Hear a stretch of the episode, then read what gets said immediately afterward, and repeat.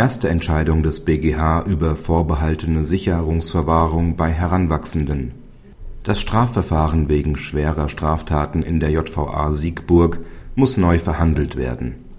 Der BgH hat der Revision der Staatsanwaltschaft stattgegeben und entschieden, dass die Gründe, mit denen das LG Bonn die Verhängung einer lebenslangen Freiheitsstrafe und die Anordnung des Vorbehalts der Sicherungsverwahrung gemäß § 106 Absatz 3 JGG abgelehnt hat, nicht ausreichend waren.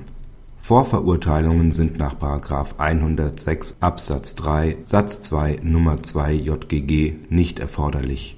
Die Regelung stellt nur für den Fall, dass es nach den allgemeinen Vorschriften auf solche Vorverurteilungen ankommt, besondere Anforderungen an diese.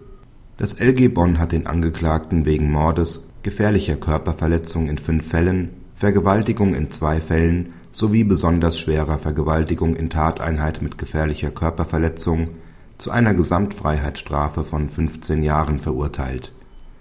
Zwei Mitangeklagte verurteilte es zu einer Gesamtfreiheitsstrafe von 14 Jahren bzw. einer Einheitsjugendstrafe von 10 Jahren.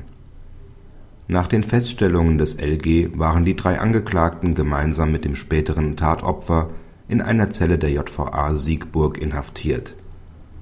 Am 11.11.2006 beschlossen die Angeklagten, einer Idee des Angeklagten folgend, den Geschädigten zu misshandeln.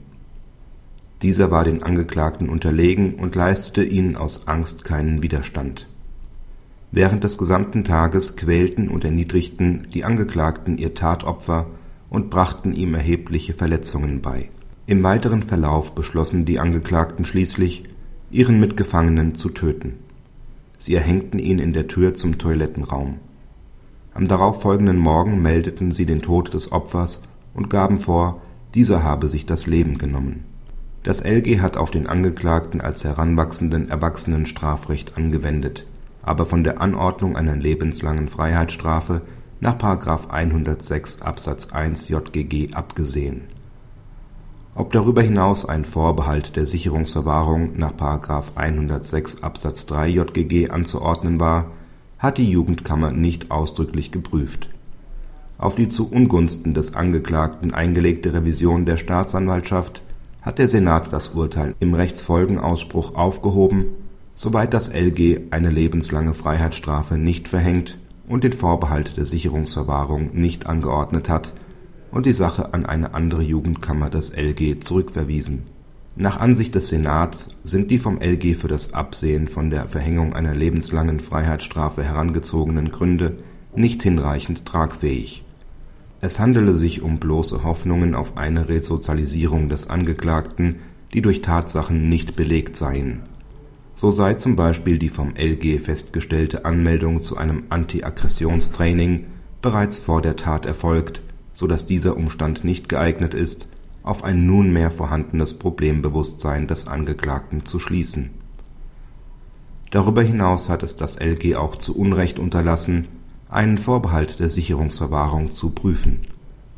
Die Voraussetzungen des § 106 Absatz 2 Satz 2 und 3 JGG liegen hier vor.